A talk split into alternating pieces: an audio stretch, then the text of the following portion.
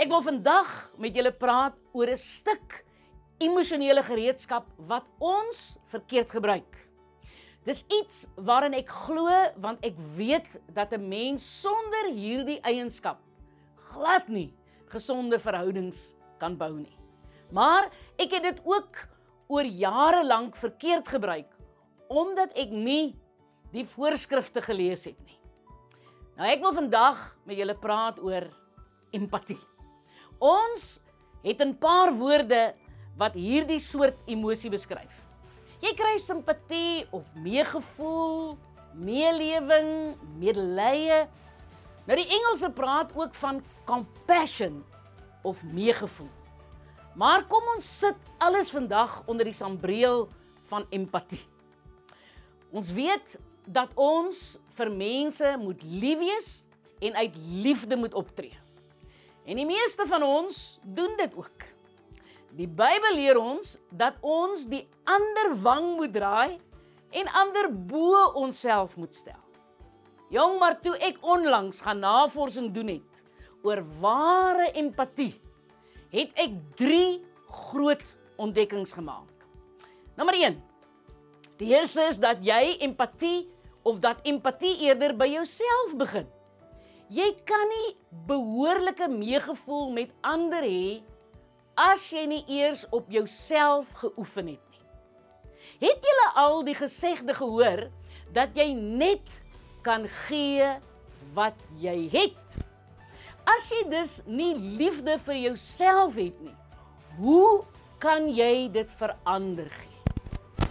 Dis waarom selfs Christus ons leer om ons naaste lief te hê soos onsself. Nou die tweede ontdekking was vir my nuut. Kyk, as jy met iemand regte empatie wil hê, behels dit dat jy duidelike grense sal stel. Julle, dis iets wat ek nie besef het nie.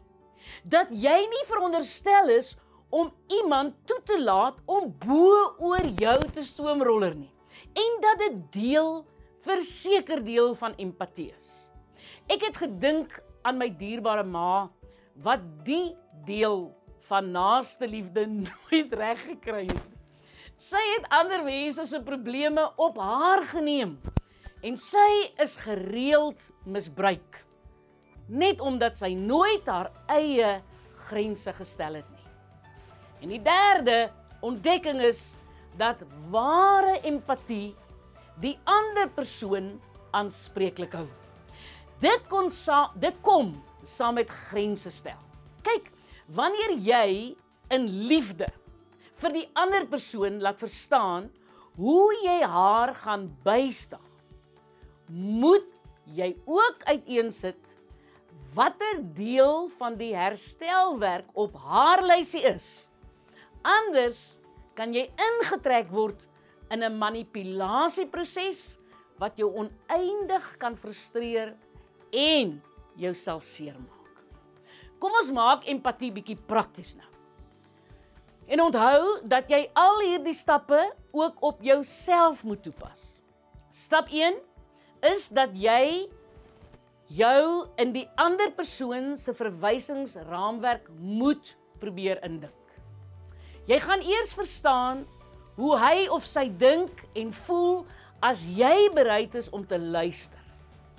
En dan praat ons van die soort luister om te hoor en nie luister om te antwoord nie.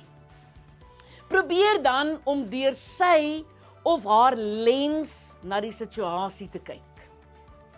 Stap 2 is om hom of haar nie te oordeel nie. Dis menslik. Dis menslik om ander se situasies met ons eie te vergelyk. Want dis al wat ons het. Maar as jy nie deurgemaak het wat hy of sy deurgemaak het nie, kan jy nie sy optrede veroordeel nie. Vra hom of haar met opregtheid help my om te verstaan. Vertel my. En dan stap 3 is om jou emosiewoordeskat uit te brei en die ander persoon daarmee te help. Ons sê so maklik ons is gefrustreerd. En dan bondel ons al ons gevoelens in hierdie een woord.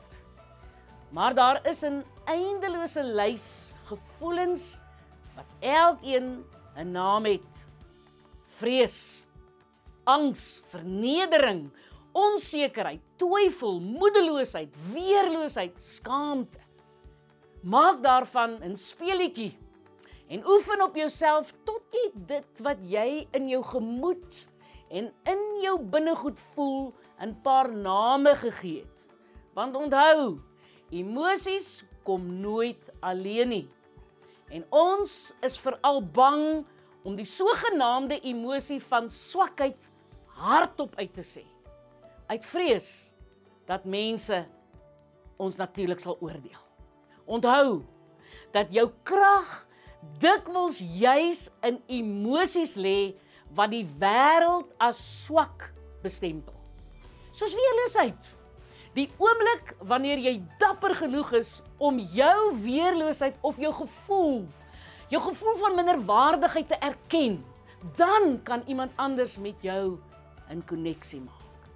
Dis op hierdie punt waar jy empatie kan ervaar. Wanneer jy saam kan huil en lag oor mens wees. En dis hier waar diep en sinvolle verhoudings begin.